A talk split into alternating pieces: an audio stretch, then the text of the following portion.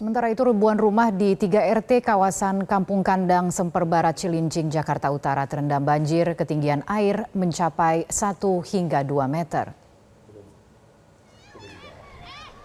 Sebanyak 120 jiwa terpaksa mengungsi karena rumahnya terendam banjir. Petugas BPBD mengevakuasi warga yang rumahnya terdampak banjir.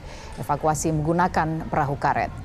Banjir di kawasan Kampung Kandang Cilincing merendam 3 RT dengan ketinggian banjir mencapai 1 hingga 2 meter.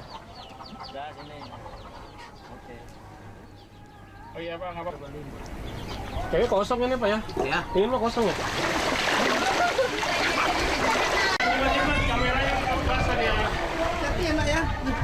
Ini saya pegang itu.